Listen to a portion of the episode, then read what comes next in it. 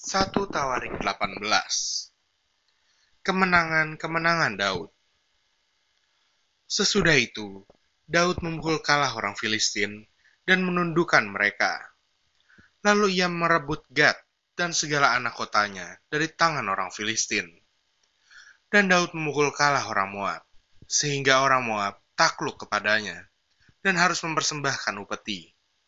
Selanjutnya, Daud memukul kalah Hadadezer Raja Zoba, dekat Hamat, ketika ia pergi menegakkan kekuasaannya pada sungai Efrat. Daud merebut daripadanya seribu kereta, tujuh ribu orang pasukan berkuda, dan dua puluh ribu orang pasukan berjalan kaki. Lalu Daud menyuruh memotong urat keting segala kuda kereta, tetapi dengan meninggalkan seratus ekor kuda kereta. Lalu orang Aram dari Damsyik datang menolong Hadadezer, Raja Zoba. Tetapi dari antara orang Aram itu, Daud menewaskan 22 ribu orang. Kemudian Daud menempatkan pasukan-pasukan pendudukan di daerah orang Aram dari Damsyik. Dan orang Aram itu menjadi budak Daud yang harus mempersembahkan upeti. Tuhan memberikan kemenangan kepada Daud ke mana pun ia pergi berperang. Sesudah itu Daud mengangkut perisai-perisai emas yang dipakai oleh orang-orang Hadadezer lalu membawanya ke Yerusalem. Dan dari Tibhat dan dari Kun, yaitu kota-kotanya Hadadezer, Daud mengangkut amat banyak tembaga.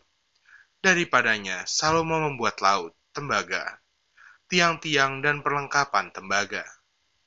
Ketika didengar Tou, Raja Hamat, bahwa Daud telah memukul kalah seluruh tentara Hadadezer, Raja Zoba, maka ia mengutus Hadoram, anaknya, kepada Raja Daud untuk menyampaikan salam dan mengucapkan selamat kepadanya, karena ia telah berperang melawan Hadadezer dan memukul dia kalah. Sebab Hadadezer sering memerangi Tou, dan Hadoram membawa pelbagai barang-barang emas, perak, dan tembaga. Juga barang-barang ini dikhususkan Raja Daud bagi Tuhan, bersama-sama perak dan emas yang diangkutnya dari segala bangsa, yakni dari orang Edom, dari orang Moab, dari Bani Amon, dari orang Filistin, dan dari orang Amalek. Abisai, anak Zeruya, menewaskan 18.000 orang Edom di lembah Asin.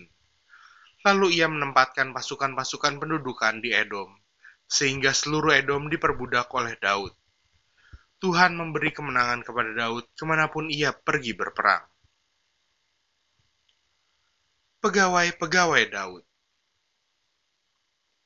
Demikianlah Daud telah memerintah atas seluruh Israel dan menegakkan keadilan dan kebenaran bagi seluruh bangsanya. Yoab, anak Zeruya, menjadi panglima. Yosafat bin Ahilud menjadi bendahara. Zadok bin Ahitub dan Ahimelek bin Abiatar menjadi imam. Sausa menjadi panitera. Benaya bin Yoyada menjadi panglima orang Kreti dan orang Pleti dan anak-anak Daud adalah orang-orang utama yang diperbantukan kepada raja.